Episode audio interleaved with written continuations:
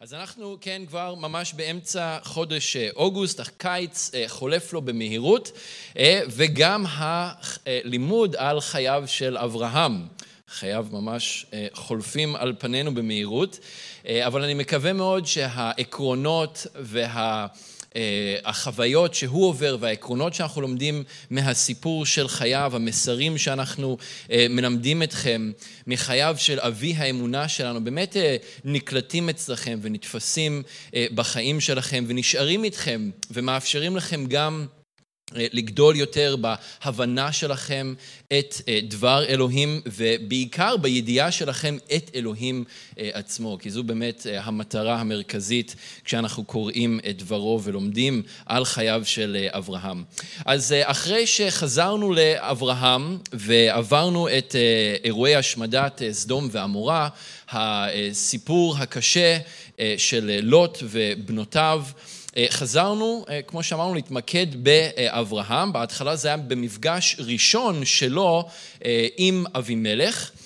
מלך פלישתי, מלך גרר, והמפגש הזה היה מאוד לא מוצלח, אפשר לומר, אפילו בלשון המעטה, מאוד לא מוצלח. והמפגש הראשון הזה של אברהם עם אבימלך בעצם מהווה את הבסיס לקטע שלנו היום, המפגש השני של אברהם עם אבימלך. ובשבוע שעבר, בין לבין, אז למדנו אה, על איך שאלוהים אחרי שני עשורים וחצי, 25 שנים, אה, כמעט פלוס מינוס שנה לכאן ולכאן אולי, אחרי כל כך הרבה זמן של ציפייה ושל המתנה ליורש, אחרי שאברהם ניסה לקחת את העניינים לידיים שלו ואפילו לממש בעצמו את ההבטחה שאלוהים נתן לו, הוא סוף סוף קיבל וחווה את התממשות ההבטחה ליורש שיבוא ממנו ומאשתו אה, שרה. ביחד, וזה היה בלידתו של אה, יצחק. ואני חושב שאלון אה, גם עשה עבודה מאוד טובה בלהראות לנו שבאותה נשימה עם ההבטחה או מימוש ההבטחה ליורש שאלוהים הבטיח שיהיה לאברהם דרך שרה, אלוהים גם לא שוכח את ישמעאל, הוא שומע את זעקותיו ואנחנו רואים שגם לישמעאל יש, ה, יש הבטחה והוא נותן לו ייעוד אה, ואלוהים אה, גם כן נמצא איתו. אז אנחנו היום בראשית פרק כ"א, פרק 21, אז אתם יכולים לפתוח את התנ"כים. לפתוח את הטלפונים או את המכשירים החכמים שלכם ולהגיע לשם. אנחנו נקרא מפסוק 22 עד פסוק 34, שזה בעצם סוף הפרק. ויהי בעת ההיא, ויאמר אבימלך ופיכול שר צבאו אל אברהם לאמור, אלוהים עמך בכל אשר אתה עושה, ואתה, הישבעה לי באלוהים, הנה אם תשקר לי ולניני ולנכדיי, כחסד אשר עשיתי עמך תעשה עמדי, ועם הארץ אשר גרת בה. ויאמר אברהם, אנוכי אשבע. והוכיח אברהם את אבימלך על אודות באר המים אשר גזלו עבדי אבימלך. ויאמר אבימלך, לא ידעתי מי עשה את הדבר הזה, וגם אתה לא הגדת לי, וגם אנוכי לא שמעתי בלתי היום. ויקח אברהם צאן ובקר, ויתן לאבימלך, ויכרתו שניהם ברית. ויצב אברהם את שבע כבשות הצאן לבדיהן, ויאמר אבימלך אל אברהם, מה הנה שבע כבשות האלה אשר הצבת לבדנה? ויאמר, כי את שבע אה, כבשות תיקח מידי, בעבור תהיה לי, תהיה לי לעדה, כי חפרתי את הבאר הזאת. על כן קרא למקום ההוא באר, שב, באר שבע, כי שם נשבעו שניהם. ויכרתו ברית בבאר שבע, ויקם אבימלך ופיכול שר צבאו, וישובו אל ארץ פלישתים. והייתה אשל בבאר שבע, ויקרא שם בשם אדוני אל עולם. ויגר אברהם בארץ פלישתים ימים רבים. אז בואו ניקח רגע להתפלל. אדון, אנחנו אה, שוב פעם מודים לך על האפשרות להיות ביחד. אדון, אנחנו מודים לך שבך אנחנו מאוחדים. אנחנו מודים לך שבך אנחנו אחד ברוח אחת ובמחשבה אחת, אדון, בזמן הזה, סביב דברך. אדון, אנחנו מודים לך על דברך, אנחנו מודים לך ש... אפשרת לרבים ללכת לפנינו, ויש לנו את התיעוד של חייהם. אדון, שאנחנו יכולים לחזור ולקרוא ולהתעמק, אדון, ולראות מה בחיים שלהם אה, אתה רוצה לומר אה, אלינו כאן אה, היום. אדון, אנחנו זקוקים לך, אנחנו לא יכולים לעשות את זה בעצמנו. אדון, הבשר שלנו חלש, הרוח שלנו, אדון, חפצה. אז אדון, תחזק אותנו, תן לנו את האוזניים שאנחנו צריכים כדי לשמוע את מה שאתה רוצה לומר לנו מדברך הערב. אדון, תן לנו את העיניים לראות. אבא, עזור לנו להשקיט את הלבבות שלנו, את המחשבות שלנו מכל מכל דבר אחר, מכל הסחת דעת, מכל מטרד, מכל אה, מחשבה על השבוע שהיה, על השבוע שיהיה. אדון, ותן לנו אה, אה, לאכול עכשיו מדברך, מדברך הטהור, מדברך שיכול להכשיר אותנו ולחזק אותנו ולעודד אותנו ולתקן אותנו ולתת לנו את כל מה שאנחנו צריכים, אדון, כדי לחיות לפניך אה, על פי רצונך. אז אנחנו מכניעים את עצמנו, אדון תן לי את המילים שלך בשביל הזמן הזה, אה, אדון, ואנחנו מקדישים לך את הזמן, מבקשים שתהיה איתנו ברוח קודשך. תודה לך אבינו, בשם ישוע המשיח. אמן. אז הקטע היום, כמו שקראנו, מתאר את המפגש הנוסף, מפגש שני שיש לאברהם עם אה, אבימלך, אה, שהוא מלך גרר, ושר הצבא שלו, שהוא אדם בשם פיחול. וזה מתמקד בעצם בהסדרת היחסים ביניהם בכלל, ובפרט בעניין של באר מים שנגזל מאברהם על ידי עבדיו של אה, אבימלך. והמפגש הקודם ביניהם קרה כמה שנים קודם לכן כבר, כלומר אנחנו נמצאים כנראה שנתיים, שלוש, ארבע אפילו אה, שנים לאחר המפגש הראשון. אה, במפגש הראשון יצחק עוד לא נולד, כאן הוא כבר גמול, אה, אז, אז זה כמה שנים לאחר מכן. ואם אתם זוכרים, ואם נסתכל רגע אחורה לפרק כ"א, לקראת סוף האירוע הקודם, אבימלך בעצם הזמין את אברהם לגור באזור שעליו הוא שולט, אמ, בכל מקום שנראה לו טוב. בפסוק 15, בפרק 21, כתוב, ויאמר אבימלך, הנה ארצי לפניך, אה, בטוב בעיניך שב. הוא מזמין אותו לבוא ולשבת בכל מקום שנראה לו כטוב. אז אברהם הולך לו, והוא מתיישב באזור של באר שבע של ימינו, בירת הנגב, כולנו מכירים, כולנו יודעים, ואבימלך בעצם שולט על כל האזור, אם אתם חושבים על מפה מודרנית, אז תעשו משולש בין אזור עזה של ימינו לקדש ברנע שנמצא אה, על הגבול עם מצרים, טיפה דרומה מאזור אה, עזה, ואז תעשו קו אה, אנכי, אופקי, סליחה, לכיוון באר שבע, ותעלו בחזרה לעזה משם, זה בערך האזור של גרר והאזור שאבימלך שולט בו. מעין משולש שכזה. ובמהלך הזמן הזה, שוב, אנחנו לא יודעים בדיוק כמה זמן עבר, אבל עבר לא מעט זמן, סביר להניח שאבימלך שומע על אברהם, שומע על מה שקורה אצלו. יכול להיות שהם אפילו נתקלים אחד בשני פה ושם, הרי בסופו של דבר הם גרים בערך באותה אה, שכונה. וממה שאנחנו רואים כאן, אבימלך מזהה אצל אברהם אה, שני דברים.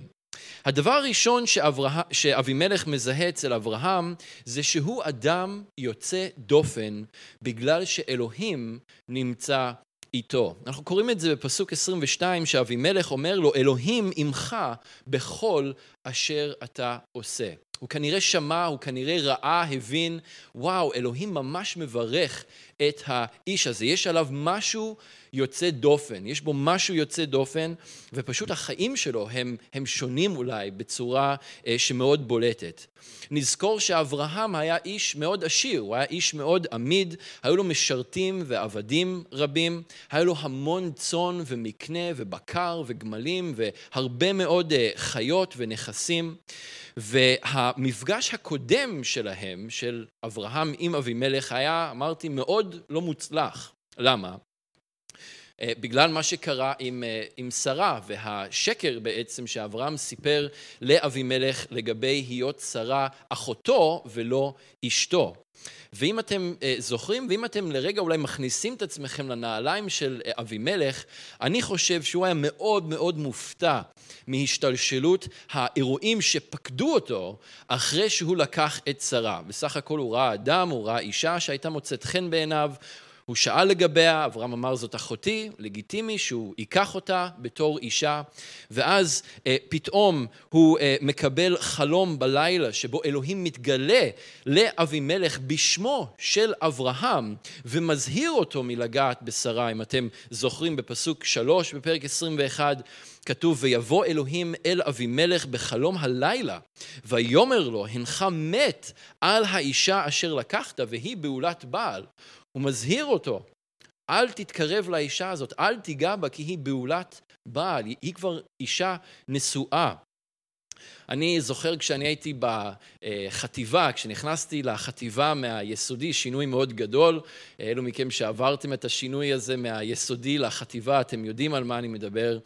וכשאני למדתי כאן בחיפה, אז, אז היה קטע כזה שאנשים היו יודעים, והיית רוצה שאנשים גם ידעו, מי הגב שלך. מה זה אומר מי הגב שלך? זה אם מישהו בא ומציק לך, או מישהו בא ומרביץ לך, או עושה לך דברים אה, לא נחמדים בבית ספר, אז מי החבר'ה שאתה הולך לקרוא להם? אולי יש לך איזה אח גדול והחברים שלו, אולי יש לך חברים אחרים משכבות גבוהות יותר שאתה מכיר, שכנים או מהשכונה או מאיפה שזה לא יהיה. והקטע היה למי יש את הגב הכי חזק. ולמי שהיה את הגב הכי חזק, אז אף אחד לא היה מתעסק איתו, כי היו יודעים שאם נטפלים לאותו בחור, אז הוא קורא לכל החברים שלו, ובסוף זה לא ייגמר טוב בשבילך. אבימלך הבין מהר מאוד, דרך החלום, שלאברהם יש גב מאוד חזק. בגלל שלאלוהים יש את הגב של אברהם. אז אלוהים מתגלה אליו, הוא מזהיר אותו ששרה היא נשואה, והוא אומר שאברהם הוא נביא ושהוא יתפלל גם בעד אבימלך, והוא יחיה בפסוק שבע בפרק אה, כ"א. אה, שהוא איש נביא, שהוא יתפלל בעדו והוא יחיה, וזה אכן מה שקורה, כמו שקוראים לאחר מכן גם בפסוק 17. אה, אז, אז זה הדבר הראשון שאבימלך מבין ורואה, גם מהמפגש הראשון אני חושב, וגם כנראה ממה שהוא רואה ושומע על אברהם לאחר מכן. הדבר השני, שהוא ניגוד כמעט מוחלט לזה שאלוהים נמצא איתו בכל מה שהוא עושה, זה שלאברהם יש קצת בעיית אמינות. אברהם נוטה לא לומר את האמת, ומה לעשות, אבימלך פשוט לא יכול לסמוך עליו. הוא לא יכול להאמין לו, הוא לא יכול להאמין למה שאברהם אומר, הוא לא יכול לבטוח בו. בפסוק 23 אה, בפרק שלנו כתוב, ואתה, אבימלך אומר את זה לאברהם, הישבע לי באלוהים, הנה אם תשקר לי ולניניי ולנכדיי. הרי הוא שיקר בעבר לגבי אה, שרה והיותה אחותו ולא אשתו, ואין לדעת אם הוא יעשה את זה שוב לאבימלך, או אפילו לצאצאים של אבימלך שיבואו לאחר מכן, אי אפשר לדעת מה יהיה בהמשך הדרך. ולומר את האמת, אני חושב שהצדק עם אבימלך. הרי זאת לא הייתה הפעם הראשונה שאברהם שיקר בקשר לשרה. קודם לכן, אם אנחנו אה, נזכרים וחוזרים לפרק אה, אה, י"ב, פרק 12, ממש אחרי שאברהם מגיע לארץ כנען, יש רעב בארץ, ואברהם לוקח את שרי, שרה, שרי, והוא יורד איתה למצרים, ופרעה רואה אותה, והוא רוצה לקחת אותה לאישה, והוא בא ושואל, וגם שם אברהם אומר, זו אחותי. ופרעה, אנחנו יודעים, לוקח אותה, וגם שם אלוהים מתגלה לפרעה ונותן נגעים על בית פרעה, אה, עד שבסופו של דבר פרעה מחזיר את שרה לאברהם. אבל זאת לא הייתה הפעם הראשונה שאברהם שיקר בהקשר הזה. אה, זאת כבר פעם אה, שנייה. ולאחר מכן הוא גם מנסה להקים בעצמו את בן ההבטחה דרך הגר במקום דרך שרה, אם אנחנו זוכרים, נזכרים בסיפור, הוא מקשיב לשרה שייקח את הגר ושממנה אולי יבוא ההבטחה ואנחנו רואים שהוא מתפזר, הוא מתפזר והוא לא כל כך אמין ואבימלך לא יכול לבטוח בו. איזושהי אנקדוטה חשובה, משהו שרציתי להדגיש, זה את הדרך שבה אלוהים דרך דברו לא מטשטש ולא מחביא מאיתנו את המגרעות ואת המעידות של גיבורי האמונה, של אלה שאנחנו קוראים עליהם, הדמויות הבולטות אמ, כאן בכתובים, אפילו לא של אבי האמונה, אברהם בכבודו ובעצמו. וברומים ט"ו, אה, פסוק 4, כתוב, והרי כל מה שנכתב מקדם, נכתב להדרכתנו, כדי שתהיה לנו תקווה מתוך הסובלנות והנחמה שבכתובים. וזה כל כך אה, מעניין לראות שדווקא ביהדות הרבנית, מנסים לתרץ ולתת פירושים אחרים לסיפורי המקרא, שדווקא מראים ומבליטים את המגרעות ואת הנפילות ואת החטאים הרבים אה, לפעמים והמאוד כבדים של דמויות מאוד בולטות כמו אברהם, יצחק, אה, יעקב, יהודה, יוסף. דוד ורבים אחרים שהיו לא מושלמים והיו חוטאים כמו כל אה, אדם אחר. אז ביהדות מנסים לתת את הפרשנויות כדי לטשטש את זה ולהגיד שזה לא היה בדיוק ככה והם בעצם כן היו צדיקים. אבל אלוהים לא מנסה לטשטש את הדברים האלה דרך דברו, והוא נותן לנו לראות את המעידות ואת הנפילות ואת המגרעות, אבל זה ניתן לנו, כמו ששאול כותב לרומים, להדרכתנו, כדי להדריך אותנו, כדי ללמד אותנו, וכדי שתהיה לנו את, ה, אה, את התקווה. ואותי זה מאוד מעודד לראות את אברהם נופל וקם, לראות אותו נכשל וממשיך לנסות וממשיך ללכת עם אלוהים בכל זאת. כי זה מעיד עוד יותר עבורי, ואני חושב גם עבורכם, שגיבורי האמונה הם לא היו גיבורי על. הם לא היו מושלמים בחיים שלהם, ממש ממש לא. ואפילו שאול שכותב לנו את ה, אה, כל כך הרבה מהברית החדשה, כתב לטימותאוס באיגרת הראשונה שלו אליו בפסוק 15, הוא כותב מהימן הדבר וראוי להסכמה מלאה שהמשיח ישוע בא אל העולם להושיע חוטאים אשר אני הגדול בהם. אפילו שאול, שכולנו אומרים, וואו, הלוואי והייתה לי התגלות כמוהו, הלוואי והייתי יודע את המשיח כמו שהוא ידע את המשיח. אפילו הוא בעצמו אומר, אני הגדול שבחוטאים. כך הוא העיד על עצמו. עוד אחד מגיבורי האמונה. ומה שמייחד אותם, את כל הדמויות האלה שאנחנו קוראים עליהם בסיפורים האלה, כולל אברהם והסיפור של חייו, זה לא השלמות שלהם, זה לא שהם היו אה, קדושים וללא רבב בכלל, אלא הייתה ההתמדה שלהם באמונה. למרות שהם נפלו, וחלקם עשו חטאים מהנוראים ביותר, רצח וניאוף וגניבה ושקר וכל הדברים שאלוהים אמר לא לעשות בעשרת הדיברות. בכל זאת הם לא הרפו, והם קמו פעם אחרי פעם והם למדו מהטעויות שלהם, והם התחזקו, והם גדלו באמונה, והם אפשרו לאלוהים להמשיך ולעצב אותם, ולהמשיך ולעצב את חיי האמונה שלהם, והם, אה, והם הלכו וגדלו בידיעה שלהם אותו. ואני חושב שזה בגלל ההתמדה הזו של אברהם, שאבימלך ראה שאלוהים היה איתו, כי הוא אכן היה איתו, למרות המגרעות שלו, למרות הנפילות שלו, למרות חוסר האמונה שלו, למרות כל הדברים שאנחנו רואים, כל חוסר השלמות שאנחנו רואים כאן אה, אצל אברהם. וזה כמובן לא, לא לומר שלא הייתה בו אמונה גדולה ולא הייתה בו צייתנות, כי ברור שהיה בו גם את הדברים האלה, אבל רק להדגיש שהוא לא היה מושלם. אה, ממש כמונו, אנחנו גם כן לא מושלמים. אבל זה כל היופי, כי אני חושב בגלל זה, בגלל שלמרות הדברים האלה, אבימלך ראה שאלוהים היה עם אברהם בכל אשר הוא עשה, אנחנו גם יכולים לדעת שאלוהים נמצא איתנו בכל מה שאנחנו עושים גם. בבראשית, בפרק אה, כ"ו, פרק 26, אנחנו עוד נגיע לשם אולי בשנה הבאה או, או לאחר מכן, אה, יש אה, את הסיפור על יצחק, וזה ממש כמעט מראה לסיפור אפילו בפרק הזה וחלקים אחרים מחייו של אברהם, אבל יצחק חווה רעב בארץ והוא רוצה לקחת את אשתו ולרדת למצרים.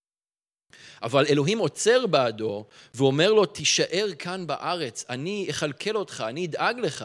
והוא חוזר עוד פעם על ההבטחה שהוא נתן לאברהם, שזרעו, ייתן לו זרע וזרעו יירש את הארץ בגלל הברית שהוא כרת עם אברהם. והוא גם אומר לו, בגלל ששמע אברהם בקולי, וישמור משמורתי, מצוותי, אה, חוקותיי ותורותיי. אברהם שמר את מצוות אלוהים, גם אם הם לא היו נגלים לחלוטין כמו שהם היו כמה מאות שנים לאחר מכן במעמד הר סיני, ובטח שלא כמו היום שיש לנו את הברית החדשה שעוד יותר מבארת לנו ועוד יותר מסבירה לנו את, אה, את מהות הדברים אה, ממש. אבל בדברים ו', פסוקים תשע עד עשר, אלוהים מעיד על עצמו ואומר, אנוכי אדוני אלוהיך, אלקנה, פוקד אבות עוון אבות על בנים, על שלישים ועל ריבעים לשונאי, ועושה חסד לאלפים, לאוהביי ולשומרי מצוותיי. אלוהים לא שומר את הברית ואת החסד למי שמושלם ולמי שלעולם לא חוטא, אחרת פשוט לא היה לו למי לשמור את הברית שלו, כי כולנו, היינו נכשל, כולנו נכשלים ולא היה לו למי לקיים את זה. אבל הוא כן שומר את הברית ואת החסד לאלה שאוהבים אותו, ולאלה שהולכים אחריו בלבב שלם, ולאלה שלומדים מהטעויות שלהם, ושגדלים באמונה, שנופלים קדימה, כמו שאומרים, ולמרות הניסיונות והקשיים ממשיכים ומתמידים וגדלים אה, באמונה.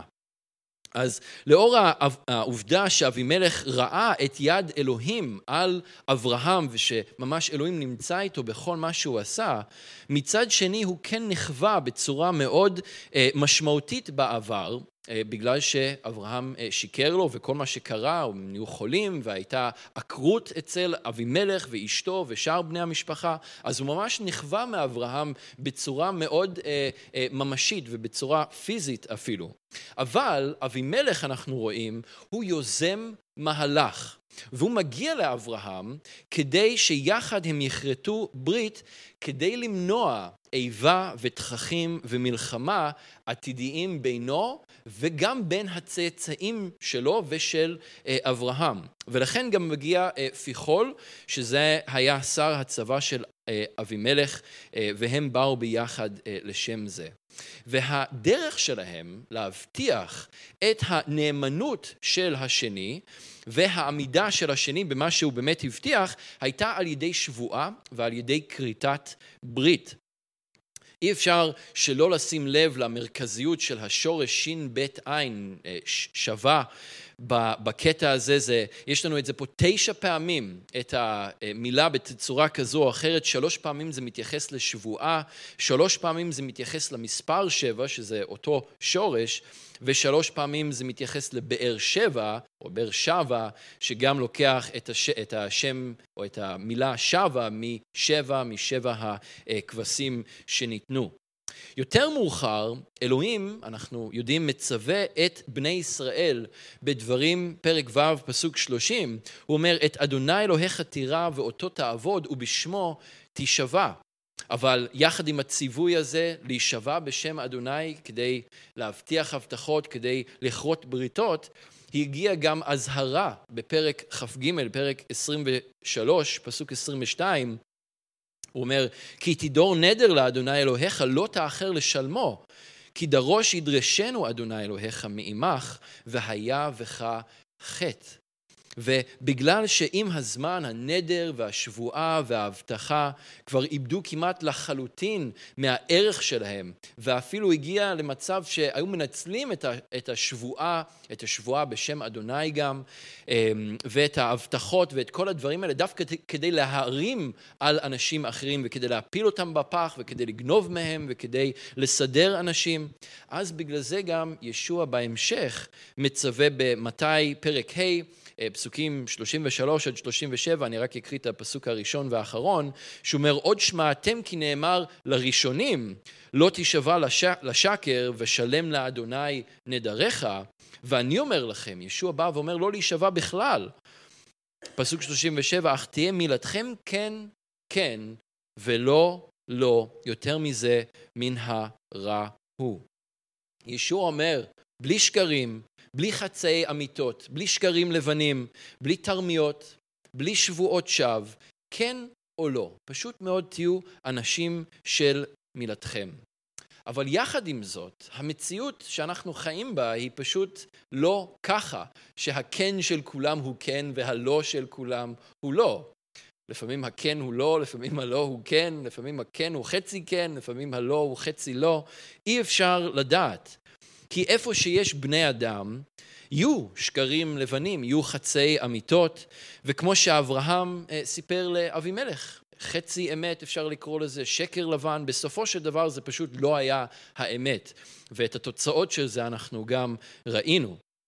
איפה שיש אנשים, יהיו מחלוקות, יהיו אי-הבנות, יהיו טעויות. אנשים יאכזבו אתכם ויתסכלו אתכם, בין אם זה בשוגג ולא בכוונה תחילה, ובין אם זה בזדון ובכוונה תחילה, והם עושים את זה מתוך ידיעה שהם עושים את זה.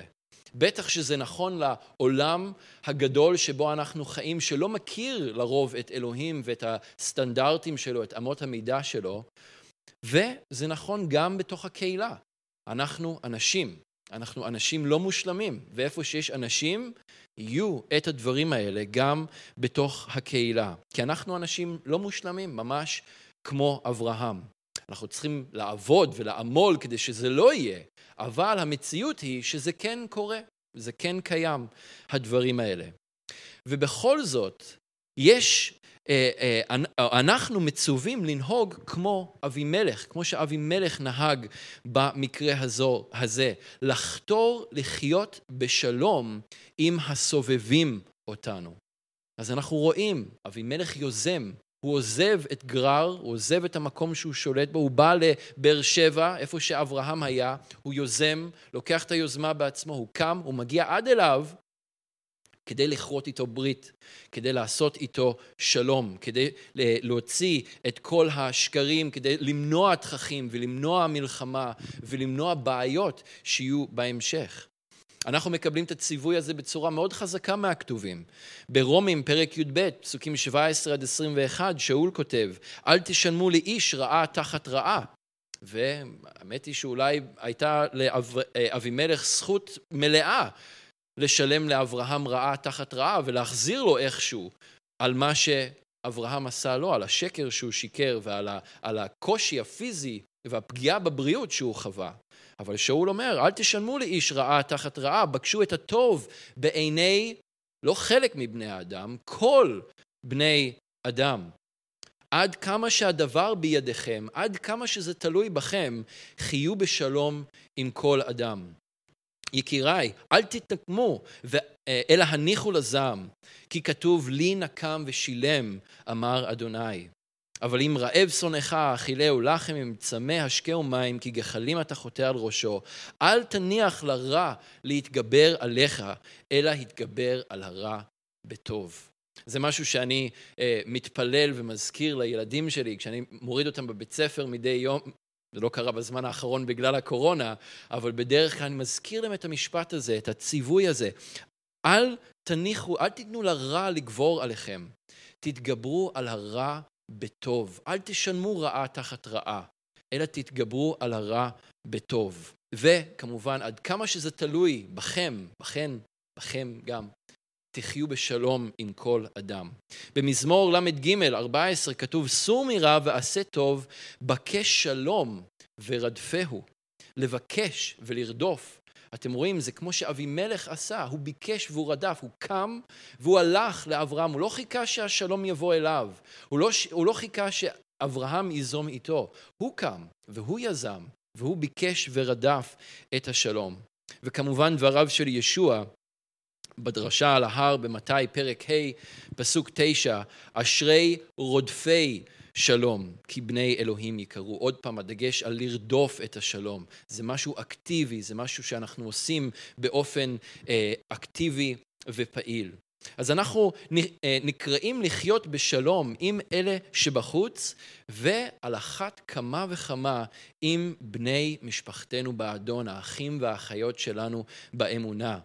אבל לעתים זה יכול להיות מאוד מאתגר, אני יודע את זה, אני חושב שהרבה מכם אולי גם כן אה, חוויתם אירועים ואתם יודעים כמה זה יכול להיות קשה לחיות בשלום עם כל אדם ואפילו אה, בתוך הקהילה ובטח שגם כן עם אנשים אה, שנמצאים בחוץ. זה יכול להיות מאוד מאתגר. אבל אני חושב שבאינטראקציה הזו בין אברהם לאבימלך יש אה, שלוש עקרונות אה, מאוד פרקטיות שבעזרתן אנחנו יכולים למנוע ריבים ומחלוקת ואנחנו יכולים להתגבר עליהם אם הם בכל זאת מתעוררים ואנחנו יכולים לחיות בשלום אה, עם אחרים. אז אני רוצה שנראה את שלושת העקרונות האלה ואולי אלה דברים שנכונים לכם עכשיו, אולי אלה דברים שתצטרכו אותם בהמשך הדרך ואתם יכולים יכולים לסגל לכם אה, אותם.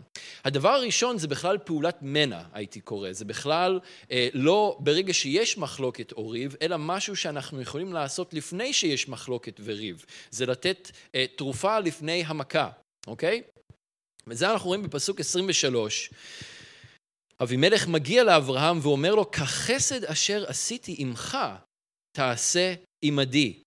או במילים של ישוע מהברית החדשה, עשה לאחרים את מה שאתה רוצה שיעשו לך. זה חוק הזהב שישוע נותן לנו בברית החדשה בצורה מאוד ברורה.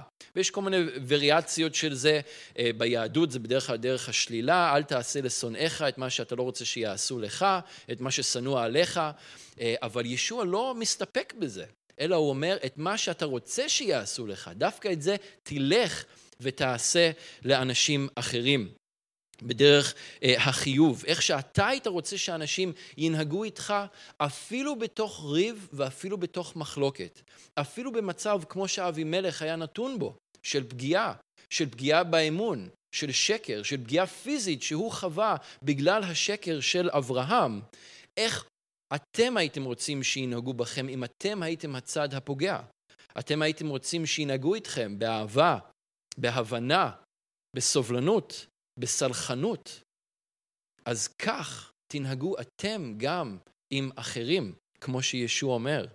גם אם הם טועים, גם אם הצדק איתכם, הצדק היה עם אבימלך, אבל הוא יזם, הוא קם ועשה מעשה, והוא ב, uh, בדרך שלו נתן פעולת מנע, כשהוא אומר, כחסד אשר עשיתי עמך תעשה עמדי. אנחנו לא יודעים בדיוק מה הוא עשה, אבל יכול להיות שהוא סלח, יכול להיות שהוא שכח, זה שהוא בכלל נתן לאברהם אה, ואמר לו, לך תשב איפה שאתה רוצה. אז רואים את ההתפייסות, רואים את הסלחנות של אבימלך. וזה היה אולי לפנים משורת הדין, אבי, אבימלך לא היה חייב לנהוג ככה, אבל הוא כן בחר לנהוג בדרך שאולי הוא היה רוצה שינהגו איתו. דווקא אבימלך, המלך הגוי הפלישתי, מקיים את תורת המשיח, מבלי שהוא נתן את תורתו, מבלי שישוע אמר את הדברים בצורה כל כך ברורה, ואולי אפילו מבלי לדעת את זה. והוא עשה לאברהם את מה שהוא היה רוצה שאברהם יעשה לו. וזה פעל לטובתו. אתם רואים שזה פעל לטובתו, כי כשהוא בא לאברהם הוא יכל להגיד לו, כחסד אשר אני עשיתי עמך, תעשה עמדי. וקשה, קשה לסרב. לבקשה כזו. בואנה, הוא באמת, הוא נהג איתי בדרך מאוד מאוד אדיבה. הוא לא היה חייב לעשות את זה, אבל הוא כן עשה את זה. ואז אתה מרגיש חייב.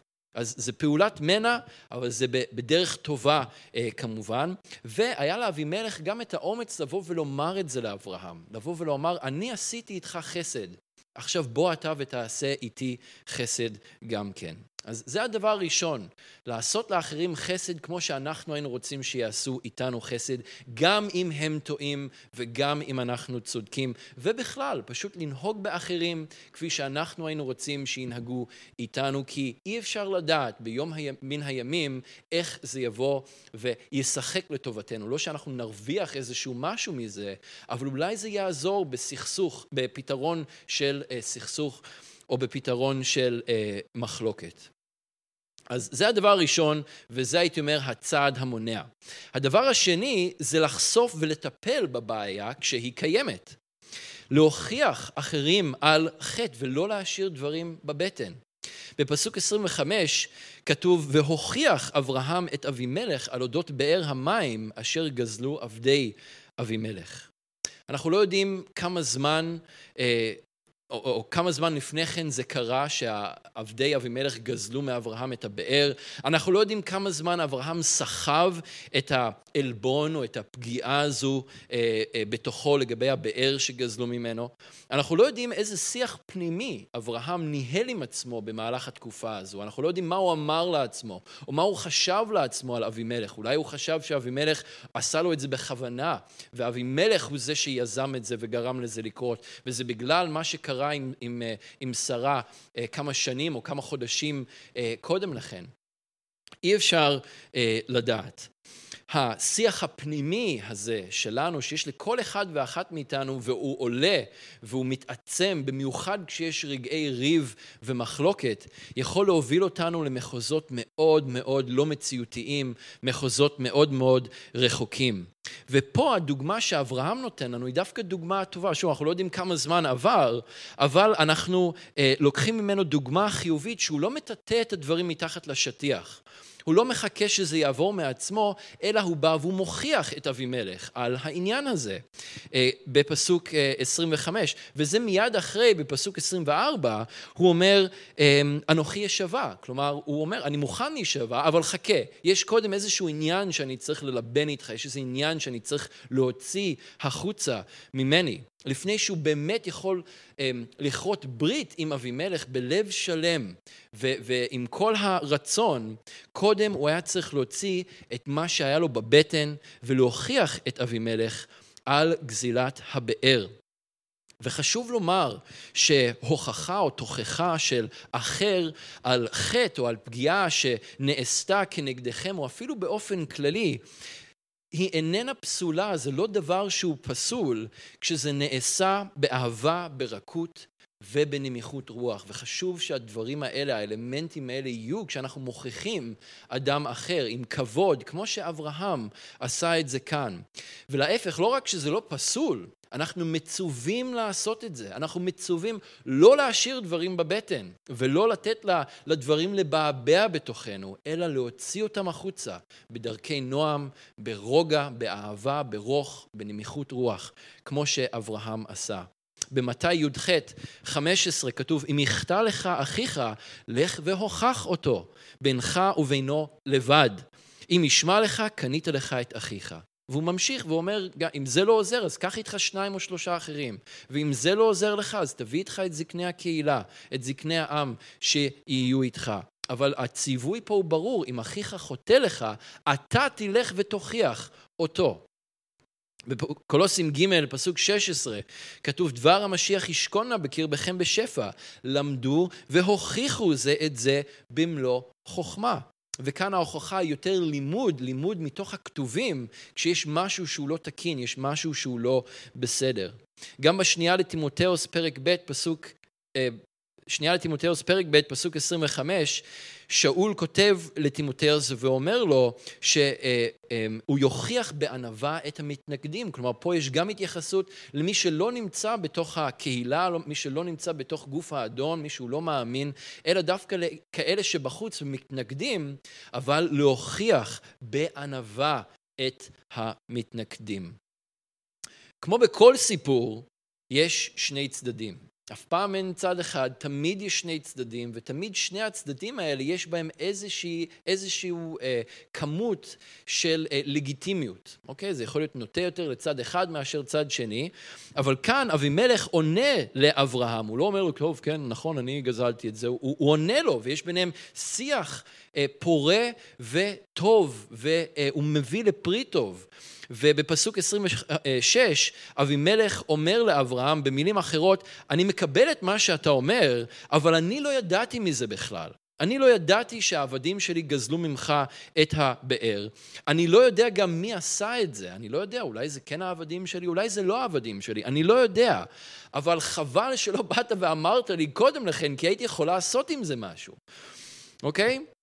ו, ואולי אברהם מבין פה שזה לא בדיוק כמו שהוא חשב שזה היה. הנה, אבימלך הוא לא זה שיזם את זה, הוא לא זה שקרא לזה, אה, או גרם לזה אה, לקרות. אה, אבל כדי שהשיח הזה יוכל לקרות, חייבים להוציא את הדברים החוצה. אי אפשר להשאיר את הדברים בפנים, חייבים להוציא את הדברים החוצה. אז זה הדבר השני, אוקיי? הדבר השלישי זה הצבת גבולות ברורים. שלום אמיתי בין אנשים מבוסס על אמת ועל אמון הדדי. ואברהם הדגים את זה בזה שהוא לקח צאן ובקר ונתן לאבימלך ויכרתו שניהם ברית בפסוק 27. אברהם לא היה חייב לתת את הדברים האלה לאבימלך, אבל הוא עשה את זה כמחווה של רצון טוב כדי לבוא ולהגיד לו, הנה, אני, אני רוצה לבנות איתך את האמון בחזרה, אני רוצה לכרות איתך את הברית, ואכן זה מה שהם עשו, והם כורתים ביחד את הברית. והם גם מציבים ברורות גבולים, במיוחד בכל מה שנוגע לבאר המים. אברהם, מה הוא עושה? הוא לוקח אה, שבע כבשות והוא נותן אותם לאבימלך וכתוב את שבע, אה, אה, את שבע כבשות תיקח מידי בעבור תהיה לי לעדה כי חפרתי את הבאר הזו. הוא שם גבול די ברור, אוקיי, הבאר הזו שייכת לי וזה ברור מאוד לאברהם וזה ברור מאוד לאבימלך וזה ברור מאוד לפיחול שנמצא שם ביחד איתם. אז יש גם אלמנט של הצבת גבולות טובים ובריאים ונכונים בינינו כדי שלא נפגע אחד בשני, כדי שאנחנו לא נדרוך אחד לשני על uh, כפות הרגליים, על האצבעות ברגליים. יש uh, משפט uh, באנגלית, אני חושב שהוא עובד גם בעברית, שכשיש גבולות ברורים, יש שכנות טובה. וגם את הגבולות האלה חשוב שאנחנו נציב אותם באהבה ובענווה ובנועם, ולא ברוגז ולא בכעס ולא בשום דרך אחרת, אלא פשוט באמת לומר את הדברים כפי שהם, יש משהו שמפריע, יש משהו לא טוב, אז פשוט לומר אה, את הדברים. אז אלה שלוש עקרונות שיכולים לעזור לנו גם למנוע מחלוקת, אבל גם לטפל במחלוקת ובריב אם וכאשר זה מתעורר. הפעולות האלה, זה מעניין גם לראות מה הפרי שהביאו הפעולות האלה, שגם אברהם וגם אבימלך, שניהם ביחד עשו. זה אפשר לאבימלך ולפיחול לשוב אל ארץ פלישתים, כמו שכתוב בפסוק 32, בשלום ובביטחון.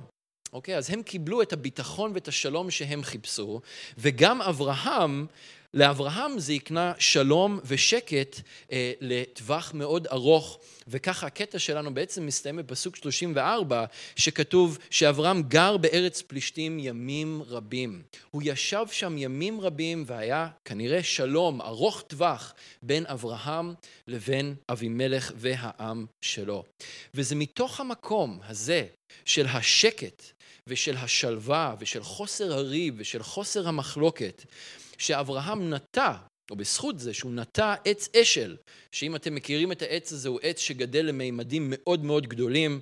אה, זה עץ מאוד חזק, עץ מאוד יציב, עץ שמשתמשים בו בשביל הרבה מאוד אה, דברים שונים. הוא ירוק עד, תמיד יש עליו עלים, הוא תמיד נותן צל, תמיד נעים לשבת אה, תחתיו. ומה הוא עשה עם העץ, או במקום הזה שהוא נטע את העץ? הוא קרא בשם אדוני. הוא הוא קרא בשם אדוני, הוא יכל להתקרב לאלוהים ולהכיר אותו יותר, במקום להיות עסוק בריבים ובמחלוקות ובמה הוא עשה לי ומה זה עשה לי ומה הוא חייב לי ואיך אני פותר את הבעיה הזו עכשיו, במקום להשקיע את האנרגיות בדברים האלה, כשיש שקט ויש שלום עם האנשים שסובבים אותנו, אנחנו יכולים אה, אה, לנתב את המיקוד שלנו ולהשקיע את המאמצים שלנו לא בפתרון של סכסוכים, אלא בלקרוא בשם אדוני, בלדרוש את אלוהים בכל ליבנו. וזה כל כך יפה גם לראות בסיפור של אברהם עד עכשיו, שאלוהים התגלה במספר אה, שמות. אה, שמעידות על האופי המופלא שלו, אל עליון בפרק י"ד, אל רועי בפרק ט"ז להגר, אל שדי בפרק י"ז, האל שמספק כל צורך, ועכשיו אברהם גם זוכה להכיר את אלוהים בתור אל עולם, האל הנצחי שאינו משתנה, זה שאותו דבר אתמול, היום ולעולם. אז המסר של היום הוא מאוד פשוט. אלוהים איתכם, הוא אוהב אתכם וידו נמצאת עליכם. לא משנה מה תעשו, הוא נמצא, היד שלו נמצא עליכם. ו- ואני רוצה לעודד אתכם לא לבזבז אנרגיות על ריבים ועל מחלוקות, אלא להיצמד לתובנות של דבר אלוהים, אפילו מתוך קטע כזה ומה שאנחנו לומדים ממנו, על איך לחיות בשלום עם כל אדם ולנצל את האנרגיה ואת המיקוד שלנו, את תשומת הלב שלנו לאלוהים, לקרוא בשם אדוני, להכיר את אלוהים יותר לעומק ולדעת אותו, שזה יהיה המאמץ העיקרי שלכם, שזה יהיה תשומת הלב העיקרי שלכם יהיה מופנה לשם, ולא לכל מיני פתרונות של סכסוכים ודברים אחרים. וזה מאוד חשוב, למה? כי אנחנו לא יודעים מה יוליד יום. אנחנו לא יודעים מה צופן לו המחר. ולעיתים אנחנו, אמ, לעיתים כמו במקרה הזה של אברהם, מדובר על שקט, וזה יכול להיות שקט ארוך, זה יכול להיות שקט קצר יותר, אבל זה יכול להיות השקט שלפני הסערה. אלוהים הרבה פעמים יכול לתת לנו תקופות של שקט כדי שנוכל להוריד שורשים יותר עמוקים בו, בגלל שיש סערה שמגיעה, בגלל שיש ניסיון או קושי שמגיע. וזה אנחנו נראה בשבת הבאה עם אה, סיפור מאוד מאוד לא פשוט, סיפור העקדה, שזה אולי הניסיון הקשה ביותר שאברהם היה צריך לעבור. אז הנה, אלוהים נתן לו את השקט, אבל זה השקט שלפני הסערה. אבל לפחות אברהם, היה לו את הזמן לקרוא בשם אדוני ולהכיר אותו יותר לעומק לפני שהוא נכנס אל תוך הניסיון המאוד אה, לא פשוט הזה. אה, ולזה אתם תצטרכו להצטרף בשבוע הבא, ואנחנו נלמד את הקטע הזה גם כן. אז בואו ניקח רגע ו- ונתפלל. אדון, אנחנו מודים לך, אבא, על דברך. אנחנו מודים לך שאתה אל כל כך טוב, שאתה כל כך מלא בחסד אלינו. אדון, תודה לך שידך הטובה נמצאת עלינו, כי אתה רואה אותנו דרך הדם של ישוע המשיח. תודה לך, אדון, שאנחנו הוצדקנו בך, שאנחנו הוצדקנו בזכותך. אדון, ושאנחנו יכולים לדעת שידך נמצאת עלינו, שאתה איתנו ואתה הולך איתנו בדרך בכל מקום שאנחנו הולכים. ואדון, אנחנו רוצים שאנשים יראו את ידך הטובה עלינו, ויבואו אלינו וישאלו אותנו, מה, מה, מה שונה אצלכם? מה יש אצלכם שמאפשר לכם להיות כל כך שמחים, כל כך שלווים, כל כך מלאי נועם, כל כך סבלניים? מה, מה מאפשר לכם להיות ככה? אדון, ושזה יהיה לעדות לך, אדון, שאתה שוכן בנו ברוחך וידך הטובה נמצאת עלינו. אדון, ואנחנו יודעים שאנחנו חיים בעולם קלוקל, אנחנו יודעים שכולנו לא מושלמים וכולנו נופלים ומועדים. אבל אנחנו מודים לך על החסד שלך, ואנחנו מבקשים עוד חסד, אדון, בשביל לחיות בשלום אחד עם השני. אדון, בשביל שאנחנו נוכל לעשות לאחרים ולנהוג עם אחרים כפי שאנחנו היינו רוצים שאחרים ינהגו איתנו.